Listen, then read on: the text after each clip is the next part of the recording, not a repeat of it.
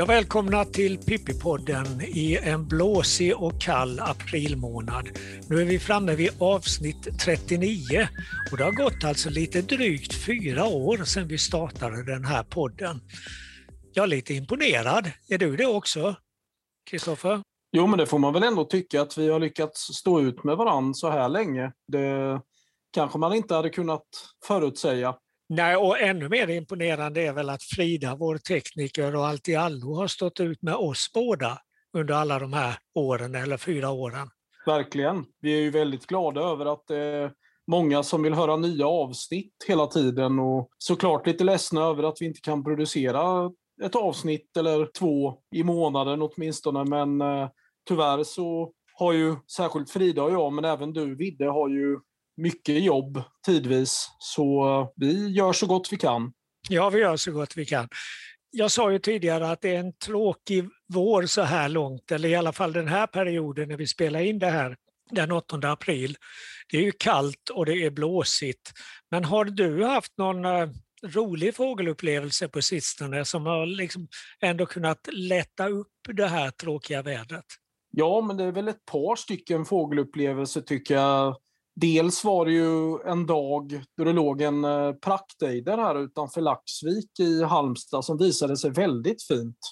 Många åker ju till Norge för att se just praktejdrar, men den här simmade ju kanske på som närmast 25 meters håll till slut och det är ju verkligen en drömfågel på många sätt. Den ser ut som om den inte är av denna värld. Och sen har det ju kommit en och annan anka på sträck också. Sjöorresträcket är igång som vi ska prata mer om mm. i eh, det här avsnittet senare. Men bortsett från den här praktejden så kan man väl säga att eh, Eidesträcket har varit en stor besvikelse här längs eh, västkusten. Ja, verkligen. De har ju haft rätt så mycket Eidersträck i Kåsebergen nere i Sydskåne och även på Öland och uppe på norra Öland och så vidare. Nu känner jag inte till någonting om siffrorna där, men det har ju setts en hel del ejdrar och en och annan praktejder där också. Så det ska bli intressant att höra om det har varit fler eller färre ejdrar som har sträckt där eller inte den här mm. vårsäsongen. Men, men jämför man siffrorna de senaste åren vid Kåseberga med hur det var för 20 år sedan så har det gått tillbaka väldigt kraftigt där också. Och även i danska vatten så handlar det om en väldigt kraftig tillbakagång för ejder. Ja, vi får hoppas att det, att det vänder någon gång för att det, det är ju en väldigt trevlig fågel som väldigt, sätter både färg och, och ljud på, på våra kustområden. Och det är ju också så underbart härligt att uppleva en sån där riktigt bra sträckdag. Visst är det så. Jag ska väl eh, upp till eh, Morups nu i dagarna och försöka se lite streck och hoppas på att det ska komma igång med både simmansträck som till exempel bläsänder och stjärtänder och krickor ordentligt. Men även sjöorrar och svärtor och sådär. Så mm. Eh, man får väl hoppas att den här kallfronten släpper snart så att det kommer igång med fågelsträck. Ja. För jag tror att det är ett temperaturberoende ändå i slutändan. Mm. Jo, det är det säkert. Det är ett väldigt låst väderläge just nu som gör att det pumpar ner kall luft norrifrån. Men du, innan vi lämnar det här med ejdrar, såg du den här senaste uppgiften om alförrädare? Det är ju en, en, ett forskningsprojekt som handlar om eh, fåglarnas ursprung eller genetik kan vi väl säga, just när det gäller alförrädare. Ja, det låter ju väldigt spännande. Alltså, alförrädare har ju alltid sett väldigt speciella ut. De är lite ja. fulsnygga på något sätt. Ja, och de är uppenbart ganska speciella för de här forskningsrönen de pekar på att alfrädaren är resultatet av en hybridisering en gång i tiden för länge sedan mellan alfågel och någon av de tre ejdarterna som finns på norra halvklotet. Alltså ejder, praktejder och glasögonejder. Eh, och det, det, är ju väldigt spännande att, det, att det här som är rätt frekvent förekommande bland växter med att hybridisering leder till nya arter, att det också förekommer bland fåglar. Ja, det är väl så även med bredstjärtad labb om jag förstått det rätt, att man misstänker att det är en hybrid mellan storlabb och labb, eller hur är det? Ja, storlabb och kustlabb som vi säger numera. Det, jo, så lär det vara. Alltså att det, men det, det har också skett någon gång för väldigt, väldigt länge sedan. Men du, när du nu ska åka till Morups Tånge och eh, har bespetsat dig på, på eh, sjöfågelsträck, vad, du, du nämnde simänder, sjöorrar naturligtvis, men är det någonting annat som är i rörelse just nu? Ja, det man skulle kunna tänka sig är att det skulle kunna börja komma islommar också och att eh, smålommarna skulle kunna sätta igång och en och annan tärna skulle kunna sträcka förbi. Men eh, det, det, är som att det står och väntar lite. Det behöver liksom, någon behöver trycka på knappen så att det kommer igång. Den här sydvästvinden som ska vara då nu de närmaste dagarna eller åtminstone imorgon, den gör ju att fåglarna kommer närmare kusten så att man får riktigt fina obsar på dem. Jag tror ändå att det här låsta väderläget som råder just nu, att det kommer att göra att det inte blir någon vidare fart på sjöfågelsträcket. Men det är klart, de kan inte vänta hur länge som helst. Någon, någon gång så måste de ta skeden i vacker hand och flytta även om omständigheterna inte är de bästa.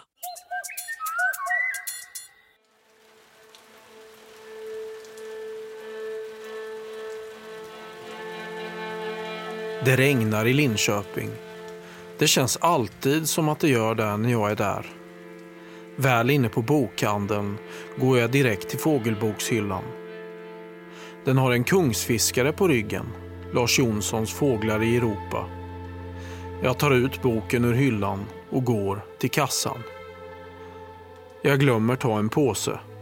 Gömmer boken under jackan i regnet. Inte bara för att den inte ska bli blöt utan för att jag skäms över att ha blivit intresserad av fåglar.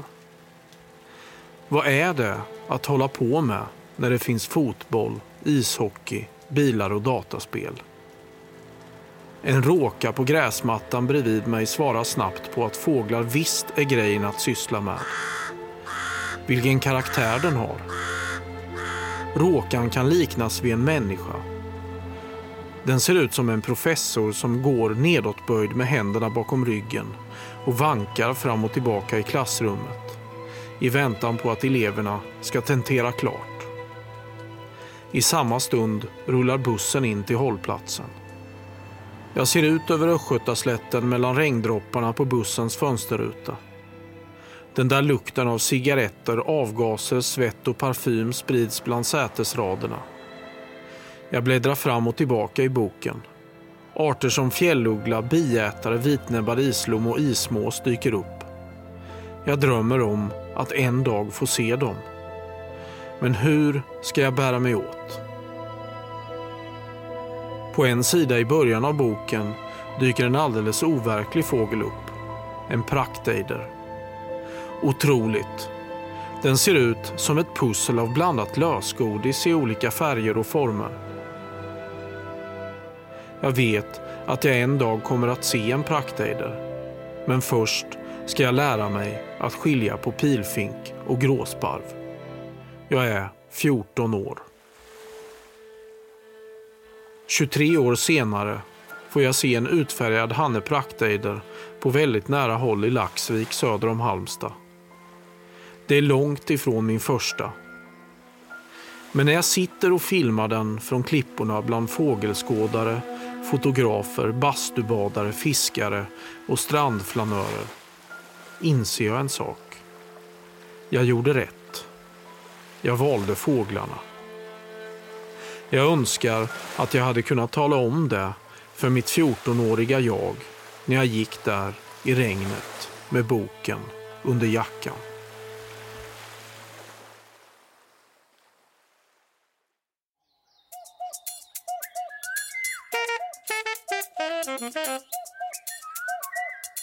Men på tal om helt andra grejer, nu har vi ju varit lite fixerad vid Halland och vårt sjöfågelsträck här, men du har ju varit en vända uppe i Sälen och där stiftade du bekantskap med en del fåglar också kan jag tänka mig. Ja, man kan väl säga, nu, nu gick vi på tur, alltså vi åkte längdskidor under de, eh, de dagarna vi var där. Vi var där en, en vecka men det var dåligt väder två dagar. Men fyra dagar hade vi fint väder och kunde vara ute och åka skidor. Och, och det, det som är allra roligast när man är uppe i de nordliga barrskogarna, relativt orörda barrskogar med mycket lavar och annat, det är ju mötena med lavskrika. Och mm. Eh, vi hade två sådana möten med lavskrikeflockar som kom farande genom skogen där och, och, upptäckte oss då just när vi satt och fikade. Och då, då kan man ju bara inte låta bli att eh, försöka mata dem och plötsligt så hade vi ju lavskrikor i händerna som satt och åt utav småbitar som vi bjöd dem. Och det här är ju en sån alltså fantastiskt fascinerande och också otroligt vacker fågel. Eh, mm. Den är precis som att den är, den är ja, den, den, den är som skapt för den miljön med, med de här barrträden som är helt lavhängda med mycket skägglav och, och andra lavar. Den, den, passar så väl in där med sin relativt sparsmakade men ändå väldigt vackra teckning. Alltså.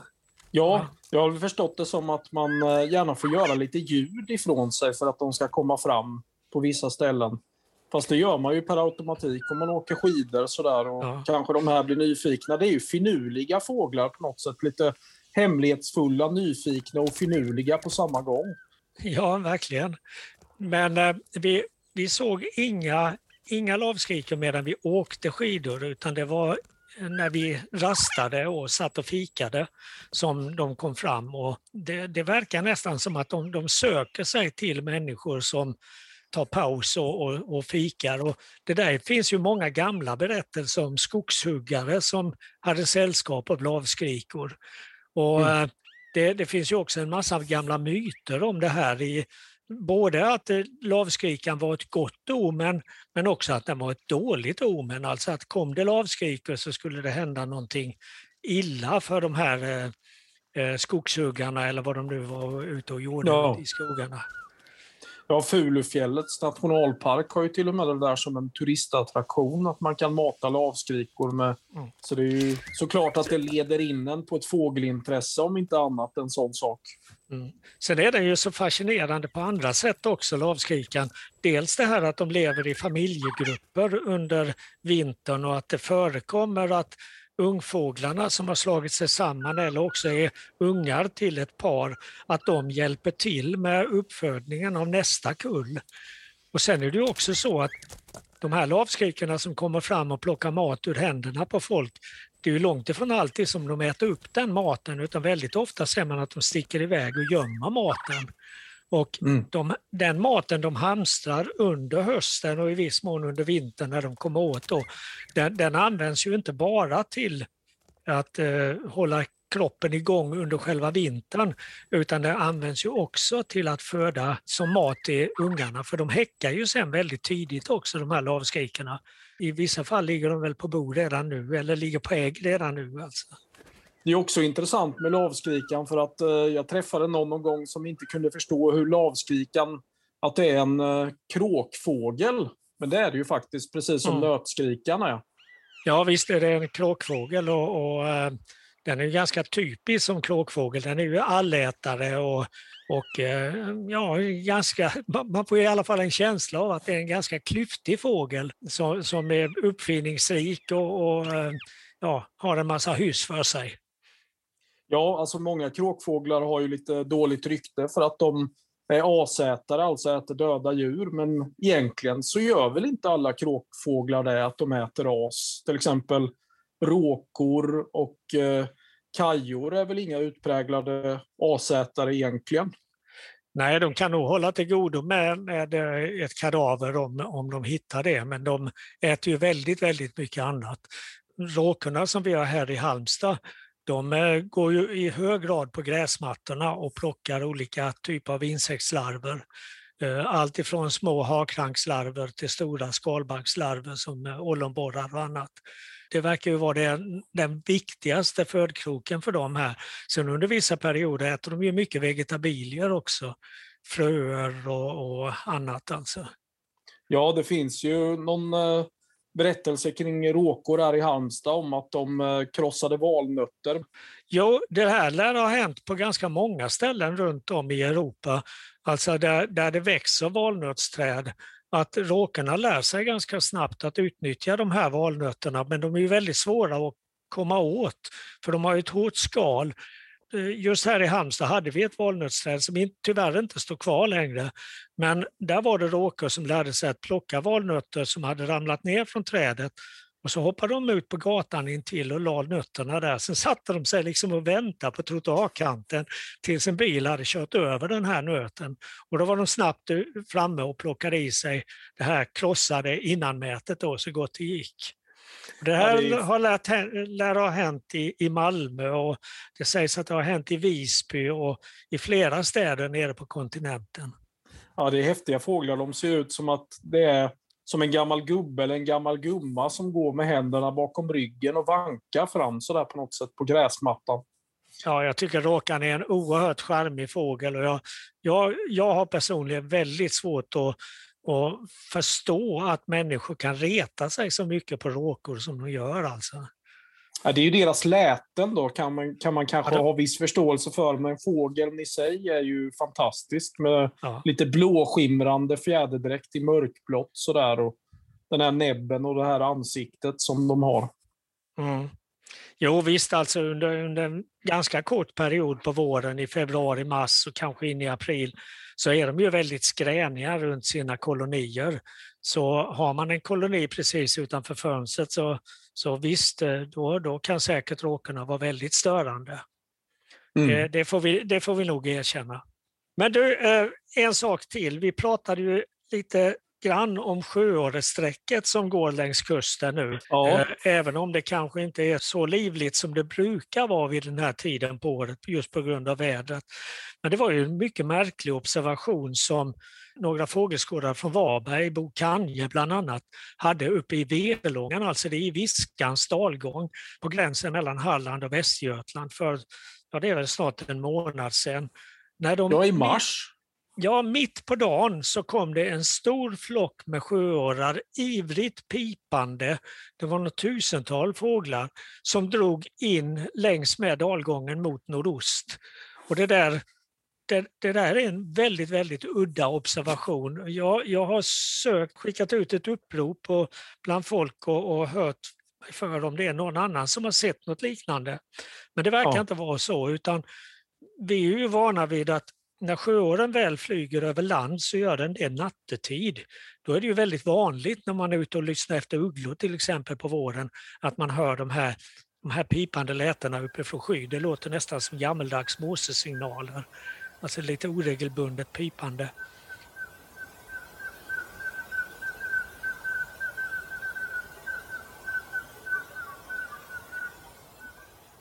Men, men eh, Bo Kanje och, kompani de hade, hade hört det här väldigt tydligt också mitt på dagen och, och flocken kom ganska lågt alltså och den var stor den här flocken. Alltså. Så mycket, mycket udda upplevelse. Ja, man kan undra vad det beror på, men eh, det verkar som att man ständigt lär sig nya saker inom fåglar och fågelskådning. Att de kan sträcka mitt på dagen sådär i inlandet eh, lät ju väldigt spännande. Man kan ju undra om det har med något väderomslag att göra eller någonting kanske. Ja, no någonting har eh, utlöst den här rörelsen, men, men vad? Det är lite grann samma sak som det vi pratade om i förra programmet med den här ladusvalan som jag såg i, i, utanför Halmstad den 24 februari. Den, den mm. var ju också väldigt udda, men kanske inte helt unik, för det sågs ju ganska många ladusvalor i bland annat England och, och jag tror i Danmark också under samma period. Alltså. Och I det fallet så var det väl den här kraftiga luftströmmen nerifrån Sahara som gick norrut över Europa som förde med sig den här svalan, kan man, kan man ju förmoda i alla fall. Ja, en annan udda sak var ju att det dök upp en amerikansk sjöorre i Halland nu i början på mars. Det har ju aldrig hänt tidigare i mars månad. Det kan vara något ytterligare fynd i Sverige från Blekinge i mars ett år, men att se en amerikansk sjöorre redan i mars hade man nog inte tänkt innan, i alla fall inte i början på mars. Så Nej, de, de brukar vara lite, lite senare på våren va? Ja, det brukar ju vara från början av april och sen en bit in i maj. Och sen samtidigt då vid Tönnersa strand här söder om Halmstad så plaskade det omkring en sibirisk knölsvärta med. Men det var lite som att vi sa lite skämtsamt här om dagen, jag och några skådakompisar, att amerikansk sjöorre håller på att bli vanligare i Halland än vad praktejder är. Och det är ju nästan ja. sant faktiskt. Mm. Vissa år i alla fall. Ja, ja det är ju lite, lite märkligt det här alltså. Men de här amerikanska sjöorrarna, man kan ju fundera över om de har kommit från, eh, från Nordamerika över Atlanten eller om de har kommit från nordöstra Sibirien den vägen, alltså genom Asien. För det, det, den förekommer ju på båda sidor om Beringsund, alltså både i, mm. i, i, Alaska, Kanada och i nordöstra Sibirien. Alltså. Det är isar som har smält och det har kommit mer öppet vatten, så kommer de den vägen istället. Ja, ja. ja, man kan fundera på det. Nej, på tal om en annan äh, grej så pratade vi lite om ett upprop om att inventera vitstjärnig blåhake i förra avsnittet och nu har det dykt upp några vitstjärniga och blåhakar i Halland, bland annat vid Törlands utlopp, vid Björkäng utanför Varberg och även vid Hjälms våtmark i Kungsbacka kommun. Och sen även i nordvästra Skåne där de har hållit till tidigare, då vid Farhult, där dök det upp en i slutet på mars redan. Så det är också tidigt att komma tillbaka redan i slutet på mars, men det gör väl kanske de här vitstjärniga blåhakarna nu. Så vi får väl ja. hoppas på en spridning eh, runt om i Sverige här på de här nu. Ja, vi, vi kan väl hoppas på att den följer samma mönster som den svarthakade buskvättan som eh, etablerade sig i Sverige på allvar i början på 2000-talet och som nu eh, häckar lite här och var i, i Halland, Bohuslän och Skåne och även med enstaka häckningsfynd på andra håll. Det var väl något mm. häckningsfynd på Öland här om året också spridningsmönstret är ju ganska likt faktiskt och tittar vi på vad som har hänt i Danmark med vitstjärnig blåhake så har den ju expanderat väldigt kraftigt under, under senare tid, alltså de senaste ska vi säga 10-15 åren. Och ja. jag, om, om jag inte tar fel så är det så att vitstjärnig blåhake inte flyttar till Asien som våra rödstjärniga blåhakar, de som häckar i fjällen, utan de vitstjärniga är Afrikaflyttare och de kanske övervintrar relativt långt norrut i Afrika, kanske till och med i Medelhavsområdet. Jag, jag vet att jag har sett blåhakar i Portugal i, väldigt sent på hösten och också tidigt på våren så att det är nog inte omöjligt att enstaka fåglar kan övervintra i Medelhavsområdet och då kan de ju också vara rätt snabba på att flytta tillbaka till sina häckningsplatser. Ja, jag vet att en, vid ett tillfälle här i Halmstad hamnutfyllnad har jag lyckats se både rödstjärnig blåhake och vitstjärnig blåhake samtidigt. Det var under en sån här överlappsperiod i början av maj månad, men det är väl förmodligen då den enda gången det kan hända, kanske på våren åtminstone. Att man mm. kan se båda de här raserna då. Ja. Vad har vi mer att se fram emot den närmaste tiden? jag tycker att eh, man kan se fram emot en hel del vadare som man inte sett så mycket av än. Grönbenor och gluttsnäppor och drillsnäppor med mera. Alltså, det har liksom inte hänt så mycket på den fronten än för min del i alla fall. Eller vad säger du? Nej, det har varit lite vadare. Eh, men eh, om vi ser någon vecka eller ett par veckor framåt så brukar ju vi här vid Hallandskusten och, och, på en del andra håll i södra Sverige också ha väldigt stora flockar med storspovar. Och, och, det där är ju fascinerande att se en stor och se och höra inte minst en stor flock med storspovar. Det kan ju vara flera hundra. Jag har sett en gång en flock med jag räknade till 625 storspovar när de stod stilla och rastade på stranden i Påarp söder om Halmstad. Och när den flocken sen lyfte och tog höjd så var det ett, en fantastisk konsert alltså.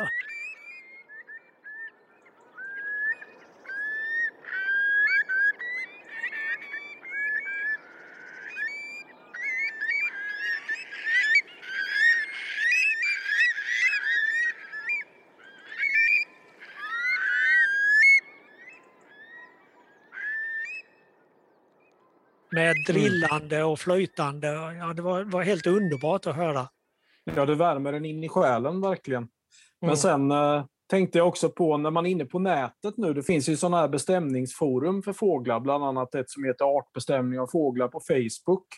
Och just nu är det väldigt mycket bilder på taltrastar och dubbeltrastar som dyker upp. Och folk har ju sådana problem att skilja de här åt. Och det kan mm. man ju ha förståelse för. Men det är roligt att se hur det går i perioder, det här att det är Börringevråkarna då hela tiden som är ormvråkar i olika färgmorfer som folk får problem med. Vilket man också kan förstå. Men det här med just att kalla ormvråk för Börringevråk, det, det är ingen bra grej egentligen. För det är många som tror att det är en egen art. Ja, ja visst. Mm. Ja. Och när, och när det gäller sådana här fåglar som många eh, har problem med så kommer det ju en fågel nu i dagarna som brukar ställa till huvudbry. Då det är ju mm. rödstjärt, alltså den vanliga rödstjärthannen. Den ser ju så exotiskt vacker ut så att folk tror ju att det är en förrymd burfågel som de ser på sin gräsmatta. Ja, jag vet du, vi har ju pratat om det tidigare i podden, att du har fått samtal om vitstrupiga näktergalar och ja. sådär. Ja, det, det, är nog den, den fågel som oftast väcker huvudbry, i alla fall nu på våren. På vintern så är det bergfinkar, för de, de ser ju inte ut på vintern som de gör på sommaren. Och många, många fågelböcker har ju bara bilder på, på sommardräkten med det här svarta huvudet på bergfinken. Så ser den ju inte alls ut på vintern. Men, men det, är, det är rätt fascinerande att få de här samtalen om rödstjärt, för det är, det är ju en fågel som har ett sånt välbekant namn väldigt många känner till namnet rödstjärt, men det är betydligt färre som vet hur den ser ut. Va? Så, så det händer, händer, ju då och då att eh, när folk beskriver en rödstjärt så säger jag, men det var en jättefin beskrivning av en rödstjärthanne. Nej, en rödstjärt var det inte, den vet jag hur den ser ut. blir ja. svaret då. ja, en, en, an, en, annan art som dök upp nu var ju en blåstjärt, alltså en utfärgad hanne taiga-blåstjärt på Stenåsabadet på Öland nu. Ja, jag tror det var den första april. Och det var mm. alltså inget aprilskämt. Men det är ju inte den första blåstjärten som dykt på senare år som har dykt upp vid den här tiden på året. Eftersom Nej. blåstjärtarna övervintrar i södra Asien så föreställer man sig att de ska komma sent i maj eller till och med in i juni. Men på mm. senare år så har vi haft ett antal taigablåstjärtar som har dykt upp redan så här tidigt på våren. Och då kan man ju fundera över var de har tillbringat vintern någonstans. Har de också något område där de kan övervintra som ligger, ligger relativt nära våra trakter? Ja, hade vi varit kvar och inventerat på ostkusten hade vi väl åkt dit, men vi åkte hem dagen innan tyvärr. Men det var ju en oerhört läcker fågel med den här orangea flanken och blå fjäderskruden och det här vita ögonbrynsträcket. Det, mm. det är verkligen taigans fågel blå. Men det har ju hänt i Malmö innan vet jag. Eh, det finns ju en skådare som fotar mycket som heter Madeleine Danielsson eh, som fotade den här mm. blåstjärten där på Ribersborg i Malmö. Och det är ju en väldigt exotisk upplevelse på en sån plats. Mm. Ja visst, Nej, men det, är, det är spännande. Och vi, vi ska väl också säga att de, de senaste åren så har det ju varit ganska bra år för blåstjärten i Eh, norra Fennoskandien, alltså Skandinavien och Finland. Det är ju en art som har expanderat västerut under senare år. Den hör ju hemma i den sibiriska taigan och eh, mm. den trivs ju också i gammelskog så egentligen så är ju utvecklingen i skogslandskapet i norr talar ju emot taigablåstjärten men trots det så har det ju varit ganska bra år nu de senaste åren. Både under häckningstid och sen under höstarna också. Så det är ja. väl möjligt att, vi, vi att det, det, där är en fågel som vi kanske kommer att kunna få se mer av framöver.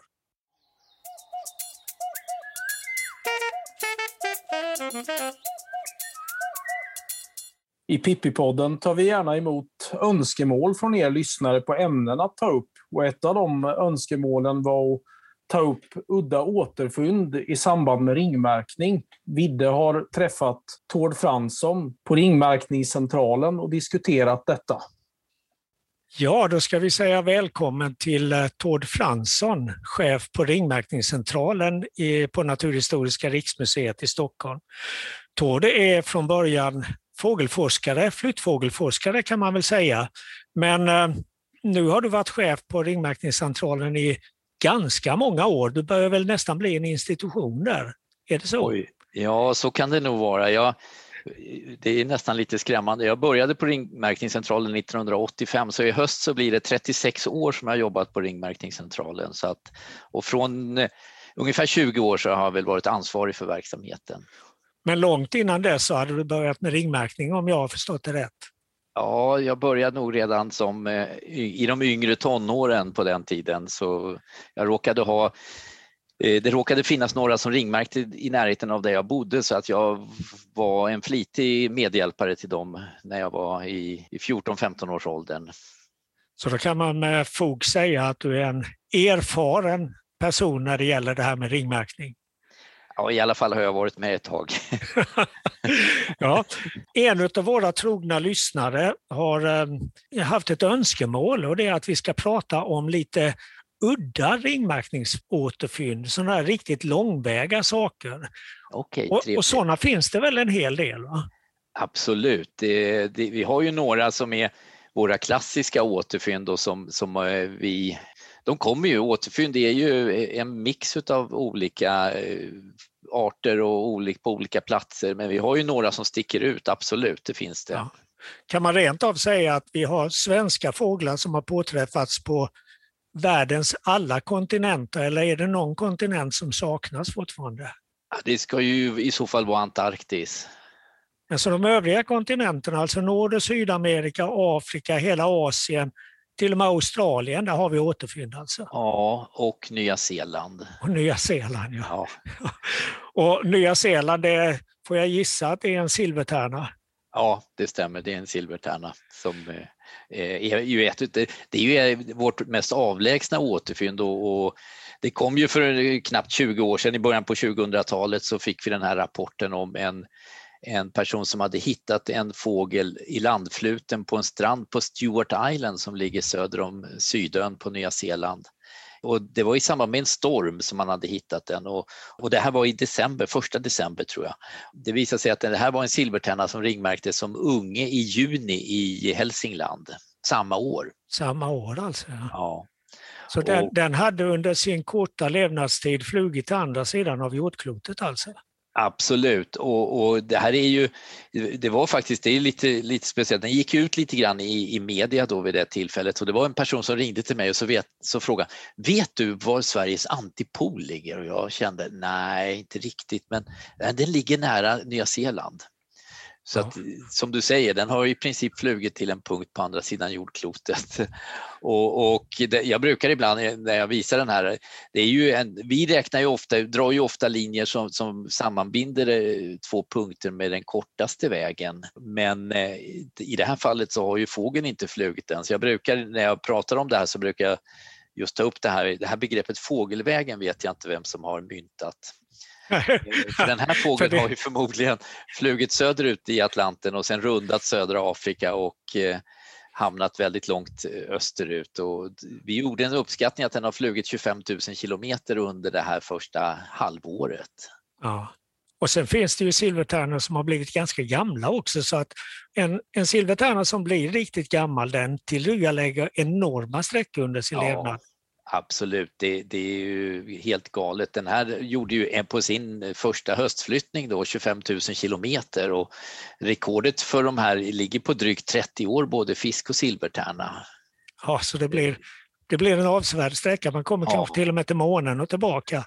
Alltså det, jag tror att det finns sådana uppskattningar som, som visar det och eh, nu finns det ju data ifrån ny teknik som visar att det är inte helt, det är ganska, det är inte, det är inte, otro, det är inte ovanligt att våra tärnor tillbringar delar av sin vinter just eh, mellan Australien och Nya Zeeland. Jag vill minnas också att det finns ett annat udda återfynd när det gäller en silvertärna som kom för inte så många år sedan. Jag för mig att du skrev om det i, eh, i er eh, årssammanfattning i fågelåret. Någonstans i Sydamerika vill jag minnas. Ja, absolut. Det var i april 2017, så det är, det är inte så många år sedan. Då, då fick vi en, en, rapport från, från Bolivia om en påträffad fågel med, med ring. Och eh, det är ju helt i inlandet så att eh, vi blev ju lite förvånade och vi utredde den där en del. Det var en person som hade det, var nog, det är mycket odlings, eh, jag tror det är majsodlingar, så, så han hade kommit åkande med bil på, i mörker och sett en få, skadad fågel på vägen. och stannat och tagit med, lagt den i en låda och tagit med den hem och den avled dagen efter och eh, det visade sig ju vara en silvertärna. Är ju, det är ju otroligt märkligt att den skulle bli påträffad i inlandet i Sydamerika men vi har spekulerat lite i att det kan vara en tärna som på något sätt började flyga norrut på fel sida om Sydamerika och sen insåg det och skulle korrigera för just in, i det här området så, så går Sydamerika ut lite grann.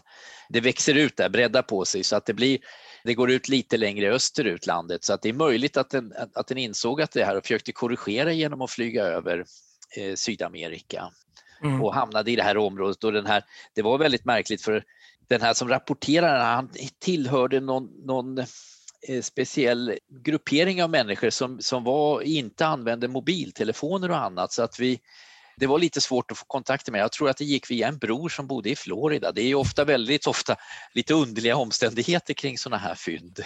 Ja. Men det, det, är ju nu känt, det, det är känt att, att silvertärnor ibland korsar kontinenten och framförallt Sydamerika. Tärnor som häckar i Alaska flyger ner längs Nordamerika och Sydamerikas kust och någonstans i Chile så, så korsar de över till områden i Argentina som är väldigt fiskrika.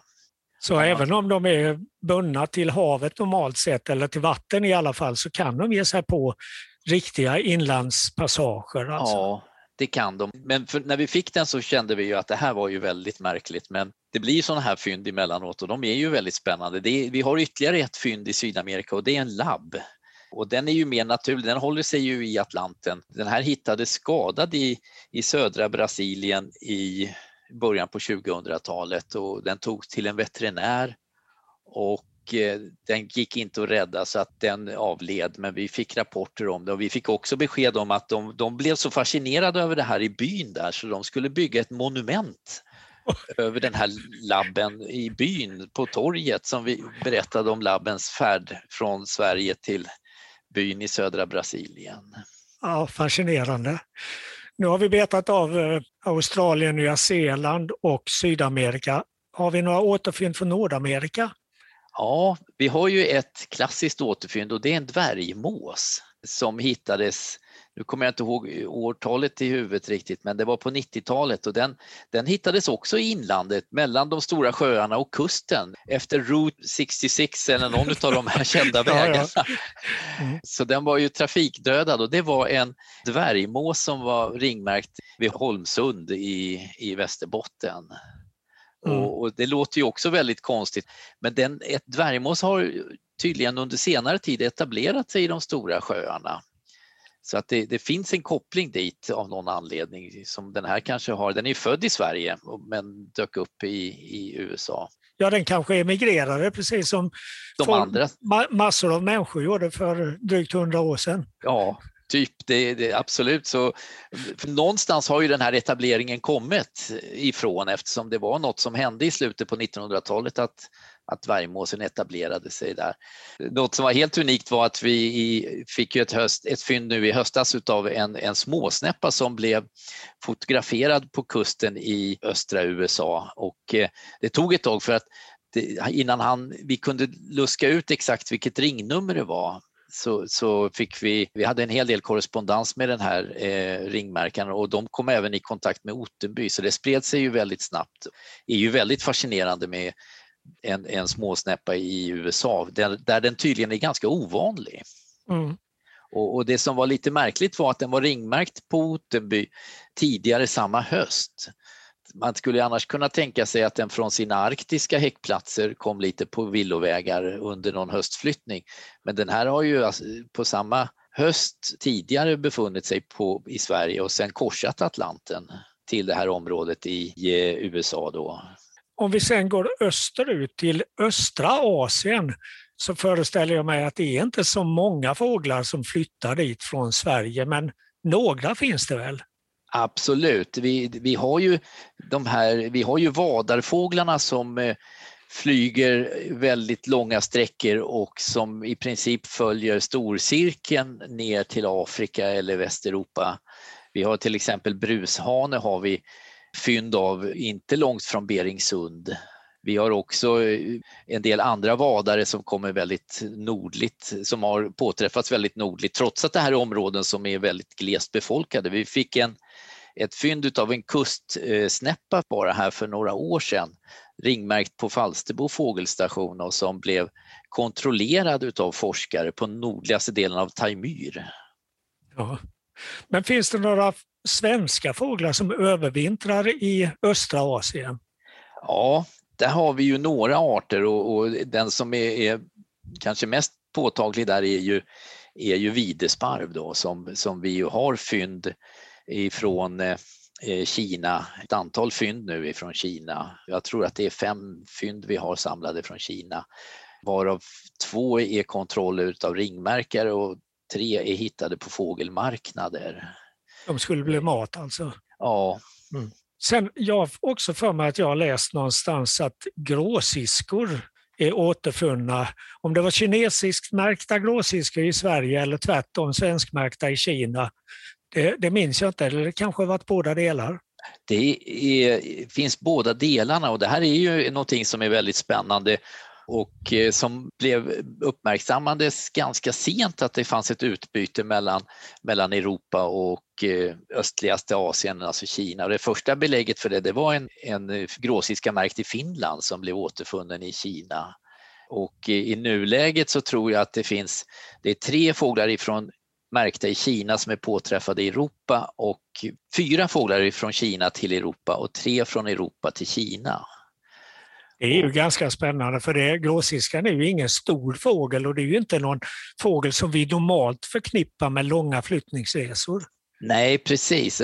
Men det, är, det, det som utmärker den lite grann det är att den är inte trogen sina häckplatser utan den strövar och eh, letar efter platser där, där björken har slagit frön och sen häckar den. Det betyder nog att, att, om den är väldigt långt österut, söker sig väldigt långt österut och häckar där så kanske den flyttar söderut ifrån det området och då hamnar den i Kina och ett annat år så kanske den är väldigt långt västerut och häckar och sen flyttar den söderut och då kommer den till Europa. För antalen varierar ju väldigt mycket mellan olika år. Mm. Vi hade ju ett rekordår med, med gråsiska här för två år sedan.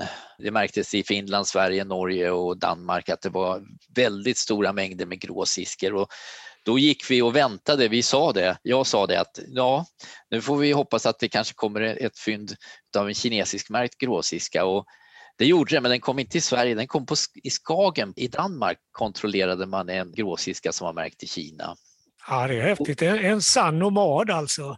Ja, verkligen. Och, och, det är ju något, jag håller med dig om att man, man ser ju inte riktigt den som en, en långdistansflyttare när man ser den ute i markerna. Man tror ju att den har flyttat i princip bara lämnat fjällområdena och flyttat en bit söderut för att övervintra. Ja, nu har vi betat av dem alla kontinenter i stort sett utom Afrika då. Och det. Afrika det är väl det är, det är ju där väldigt många av våra tropikflyttare övervintra och jag föreställer mig att det finns återfynd från i stort sett hela, hela kontinenten. Ja, det finns det eh, och det är ju framförallt Västafrika som är ett område dit väldigt många svenska fåglar flyttar. Det som är svårt för oss det är ju att få återfynd från de här områdena. Vi får fortlöpande återfynd och de är ju extremt eh, värdefulla alla återfynd som vi får. Vi fick ett återfynd nu för några dagar sedan faktiskt bara som en, en till, den är inte behandlad riktigt ännu men det, det var en, en rapport från eh, Nigeria där man hade påträffat en, en fågel. I första rapporten så stod det att det var en de upplevde det som en märklig fågel. Och, men i den andra rapporten så påstods det att den är tagen av katt och det är en nattskärra som är ringmärkt i Östergötland. Eh, vilket är helt unikt att få ett, ett fynd rapporterat ifrån Afrika. Ja, nattskärv kan det väl inte finnas särskilt många fynd av i, i återfynd i Afrika av? Nej, det finns det inte. Jag tror att det här är vårt första och nu finns det ju studier med ny teknologi där man har studerat nattstjärnsflyttning från eh, forskare från Lund som har studerat med sådana här geologgar och eh, fått väldigt spännande flyttningsvägar, hur de rör sig under icke-häckningstid. Och då, då kan vi kanske avsluta det hela, för nu har tiden runnit iväg ganska långt här, med att ställa frågan har ringmärkningen spelat ut sin roll när när det nu har kommit ny teknik eller har ringmärkningen fortfarande en funktion att fylla eller kanske flera funktioner? Alltså jag skulle ju säga att, att ringmärkning har flera funktioner att, att, fylla och för det första har vi ju historiska material, det har vi ju inte på de här nya metoderna utan där blir det ju mer individuella följningar som i sig är extremt spännande.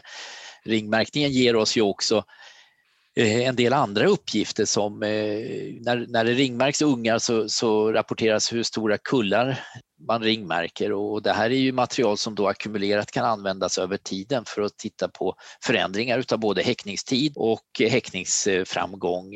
Men vi, vi får ju också möjlighet att följa vad som händer fåglarna i naturen. Vi har ganska nyligen, vi kodar ju uppgifterna när vi behandlar återfynden till vilken orsak det är till att fågeln har dött eller blivit påträffad. Och, och där har vi gjort analyser fortlöpande över till exempel hur, hur fåglar drabbas av elledningar och elström. Och, och det här är ju på något sätt övervakning där vi kan följa vad som händer. Vi kan ju se förändringar utav, av sådana saker. Och, så att jag skulle nog säga att ringmärkning är en, det är en väldigt enkel metod och eh, den ger oss möjlighet, vi ger ju fåglarna identitet och det är ju det unika i den att vi kan separera och vi vet att en fågel har varit på en plats och att den kommer tillbaka. Det är en viktig metod för forskare att hålla koll på sina individer till exempel också.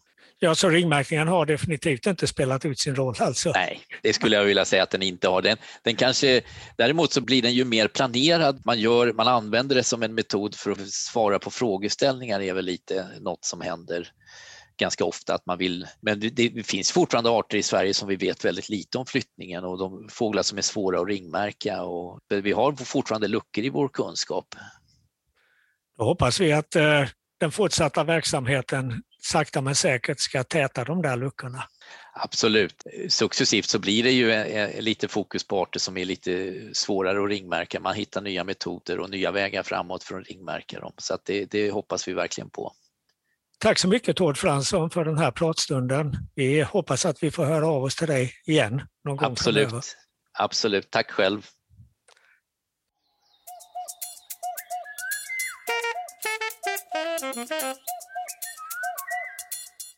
Ja, nu de eh, senaste åren har ju jag och Frida kunnat se ett par eh, pilgrimsfalkar som har suttit på den här höga byggnaden Trade Center på högskolan utanför där vi bor. Och nu i vår beslutade man sig för att sätta upp en bolåda. Vad tror du om det? Ja, det är väl bara att hoppas att det ska fungera. De här falkarna har ju varit väldigt trogna på den här eh, höga byggnaden. Alltså det är ju, jag tror det är 24 våningar högt det här huset. Och nästan allra högst upp på, på huset har de här falkarna suttit. Och vi har ju en fågelskådare här från Halmstad, Mattias Rundberg, som jobbar på högskolan. Och han tog kontakt med fastighetsägaren eller förvaltaren och eh, det visade sig att de var ju intresserade av, av det här att eh, få falkarna att häcka det. De ser ju positivt på falkarna eftersom falkarna håller undan duvor och kajor och annat i närheten så det blir inte lika mycket skräp från fåglar, alltså spillning och annat. Men jag hade möjlighet att följa med Mattias upp eh, på 24 våningen och tillsammans då med en fastighetsskötare också. Och eh, vi tittade då bland annat på eh, bytesresterna som låg där. De flesta fjädrar och annat blåser ju bort efter ett tag. Men bland de här fjädrarna då i, i mitten på mars månad så såg vi eh, flera stycken rester av måkullor hela huvuden från måkullor. Där låg också något huvud från en kaja och där låg fötter från tamduvor och annat bland, bland alla de här fjädrarna. Ja, du skickade ju någon bild och det var väl till och med något huvud från en enkelbeckasin där också va? Ja, det var ett huvud från en enkelbeckasin också.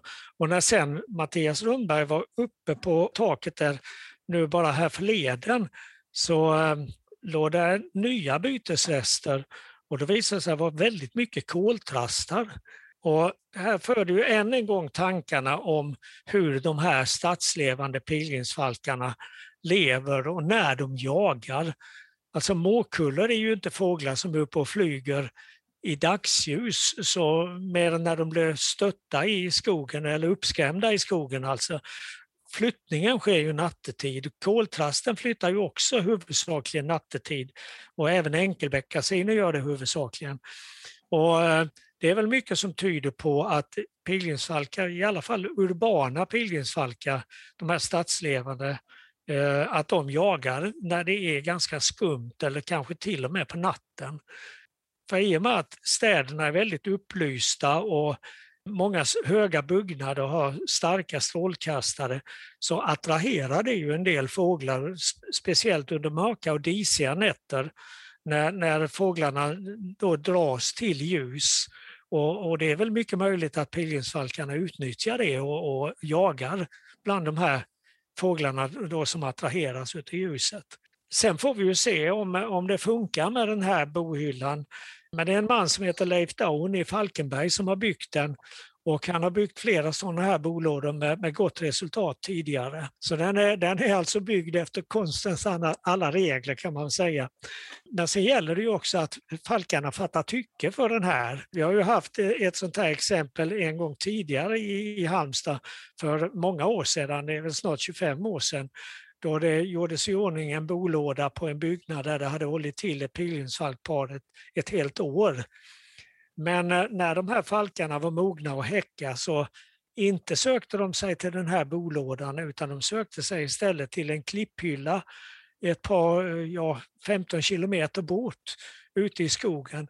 Och det var just den klipphyllan där det sista paret, eller det senaste paret pilgrimsfalkar häckade innan de försvann på grund av miljögifter 1964. Och exakt samma klipphylla alltså. Och det, det var ju ganska märkligt. Men, ja, vilken men sen, känsla. Ja, men sen har eh, mycket vatten runnit under broarna här och, och, nu har vi, som det ser ut, tre stycken pilgrimsfalkpar runt Halmstad. Alltså ett par i den här klipphyllan eller i det här berget utanför stan. Vi har ett par i hamnen i Halmstad som häckar i den här lådan som gjordes i ordning på 1990-talet. Och så har vi det här paret på, på den här höga byggnaden vid högskolan. Och det återstår ju att se om de, om de fattar tycke för den här bolådan, men vi får hoppas på det. Ja, jag inventerade pilgrimsfalkar förra året vid en bergtäkt och där hade man också satt upp en sån här eh, bolåda och lagt grus i och gjort det snyggt för pilgrimsfalkarna. Men där hade de ändå valt att häcka på en klipphylla visade sig eh, när jag väl fick syn på dem. Så mm. det verkar ju kanske som att de föredrar det, den naturliga miljön till slut ändå. Om den erbjuder en bättre häckplats så att säga. Men de här pilgrimsfalkarna som jag följde, de åt ju väldigt mycket skrattmåsar faktiskt. Mm. Så det, det, var deras favoritföda och det, det, var väl kanske lätt för dem. Och det var ett område ganska nära E6 då där det kanske födosökte rätt så mycket måsar på fälten där. Så jag tror att de väljer födan lite efter området de bor i. De kan ju ta gräsänder och allt möjligt annat. Mm. Ja, de är nog opportunistiska och plockar det som kommer i, i deras väg helt enkelt. Jag var med om en, en spännande sak när det gäller pilgrimsfalk för många år sedan när jag skulle göra ett reportage till Vår fågelvärld om ringmärkningen nere på Capri i Italien. Då visade det sig att det fanns ju ett eh, pilgrimsfalkpar som häckade i en klipprant där och i samband med att eh, man skulle klä in en del av den klippvägen med nät för att förhindra stenras så var det ett par alpinister som var uppe vid falkboet och eh, hämtade ut ungarna för ringmärkning och de plockade också ut en väldig massa fjädrar som låg inne i den här, ja det var liksom en håla in i berget. Och det var oerhört spännande att sitta och botanisera bland de här fjädrarna. Och eh, en fågel som förekom väldigt frekvent bland de här fjädrarna det var faktiskt härfågel. Det är väldigt lätta att känna igen de fjädrarna med svartvit teckning. Så det verkar som att just de pilgrimsfalkarna tog ganska många härfåglar. Och jag skulle väl gissa att det var framförallt härfåglar som kom inflyttande från Medelhavet efter att ha tillbringat vintern i Afrika. Så när de väl nådde den italienska kusten, ja, då var det kört. Då kom falkarna. De kanske är riktiga sådana här gourmeter, pilgrimsfalkar. De kör gräsan måndag, fiskmås tisdag, skrattmås onsdag och så vidare. Och så blir det härfågel då till söndagsmiddag. Så det... ja, i alla fall om man bor i Italien och är pilgrimsfalk. Men det är inte bara fördelar med att ha pilgrimsfalkar som häckar till exempel ganska nära våtmarker. Det är ju, jag vet i Kristianstad till exempel har de ju ätit en och annan rödspo. Och det, det blev ju drastiskt för en rödspoen som redan är en rödlistad vadarart som har det kämpigt. Ja, det, det, har väl varit problem på flera ställen där man har byggt eller gjort anläggningar för att få pilgrimsfalkar att häcka. Och har det då varit i närheten av bra vadarlokaler eller områden där det häckar mycket vadare så har det ju visat sig att pilgrimsfalkarna tar ganska mycket vadare, rödspovar och skärfläckor och annat. Mm. Så att eh, det, det, ska man ju också ha i tankarna.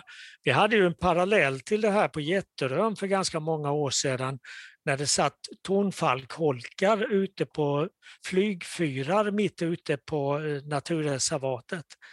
Och när man var och skulle ringmärka tonfalkungarna så upptäckte man att i de här holkarna så låg det en väldig massa ringar som visade sig härröra från bland annat småtärneungar och kärrsnäppeungar som var ringmärkta på eller i närheten av reservatet.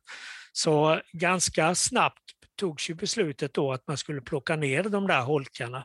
Nu finns ju inte ens flygfyrarna kvar på reservatet men, men eh, det var en intressant och väldigt märklig följd av det här. Det var att eh, tidningen Svensk Jakt skrev om detta och de beskrev det som att ornitologer river rovfågelbon. Det var rubriken ja. på, på artikeln. Så kan det gå ibland. Ja, det finns ju anledningar till att det inte finns någon bolåda för pilgrimsfalk i Varbergs hamn heller, så att de skulle kunna jaga fritt över Jätteröns naturreservat och plocka skärfläckor. Nu är det ju pilgrimsfalkar där ändå, men kanske inte på samma sätt som det hade varit om det hade häckat precis intill. Nej, Alltså, jag kommer ihåg under de här åren när pilgrimsfalken var så oerhört ovanlig i Sverige. Det svenska beståndet raderades ju nästan helt ut på 1960 och början på 70-talet på grund av miljögifter, alltså jordbruksgifter, kvicksilverbetning av utsäde och också DDT som användes som insektsgift. Men under de här åren så fanns det egentligen bara en plats i Sverige där man nästan alltid ändå kunde räkna med att se pilgrimsfalk. Det var ju just på Jätterön, på Jätteröreservatet. Så det måste ju vara något av Ja, det, det, är väl alltså den där riktiga, om vi ska fortsätta prata om middagar och annat, så är det väl den där riktigt riktigt fina restaurangen, alltså den här Michelin-restaurangen för pilgrimsfalkar. Det är jättebra. Jo, men det är det ju. Det finns ju en väldigt stor tillgång av många olika fågelarter där som man kan käka upp om man är en snabb pilgrimsfalk. Men mm. nu är vi ju inne i början av april här och våren fortskrider och vi hoppas att det ska komma in en rejäl varmfront och jag vet ju att du som vanligt längtar efter både kustpipare och myrsboar och eh, prutgäss inte minst och kanske en och annan dvärgmås. Så det är kanske det som vi har sett till nästa gång vi träffas via Pippi-podden. Fast när det gäller de här, ja myrsbovarna brukar ju dyka upp här runt den 10 maj ungefär, 10-15 maj brukar det vara stora flockar med myrsbovar. Men kustpipare och prutgäss, då får vi vänta till slutet av maj.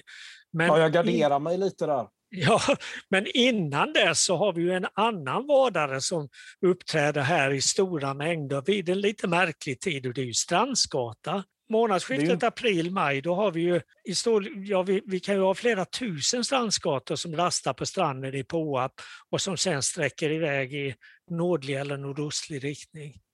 Som ska ända till Vita havet. Det är ju inte ja. våra, våra strandskator utan de har ju redan kommit här i början av mars månad. Det här är ju ja. andra strandskator och det har vi säkert pratat om tidigare i Pippi-podden, men det tål ju att nämnas och repeteras igen.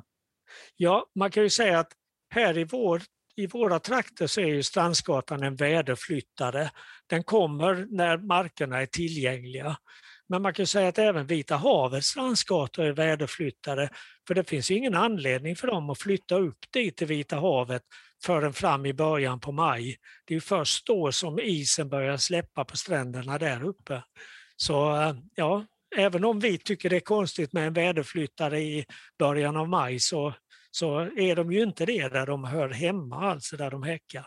Den, alltså, själva Strandsgatan ser ut som en seriefigur. Som om man går in på Ica och köper ett sånt här seriealbum där man läser om strandskator som gör olika saker. Liksom spelar fotboll och tennis och går på bio. Du vet. Det, det, det är lite det utseendet på de fåglarna. Precis som storspovarna som vi pratade om tidigare så är det ju en både en, en ljud och eh, bildupplevelse att se en stor flock med strandskator. Det, det, är fantastiskt vackert och det är väldigt härligt att höra det här, den här riktiga kakafonin när de lyfter och flyger iväg. Visst är det det. Jag vet att ibland på nätterna så där i mars, april där vi bor, då brukar man höra strandskator. Man kan höra den första som kommer flygande. Då är det nästan som att man hoppar upp ur sängen och springer ut på balkongen och skriker ut ett lyckovrål över att få höra de här fåglarna. Är det vårens är... första strandskata det handlar om då eller? Jo men det är det ju. Och sen, sen är det ju häftigt när de har de här revirgrejerna de håller på med. Att de springer runt i en ring och kacklar och riktar huvudet ner mot marken och sånt. Man blir ju alldeles lycklig av att se sånt där skådespel. Ja, vi har med andra ord ganska mycket att se fram emot nu under våren, även om det just nu känns väldigt segt på grund av det här väderläget som vi har pratat om flera gånger.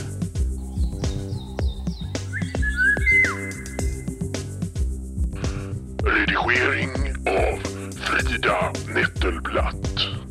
Pippipodden produceras i samarbete med Studiefrämjandet.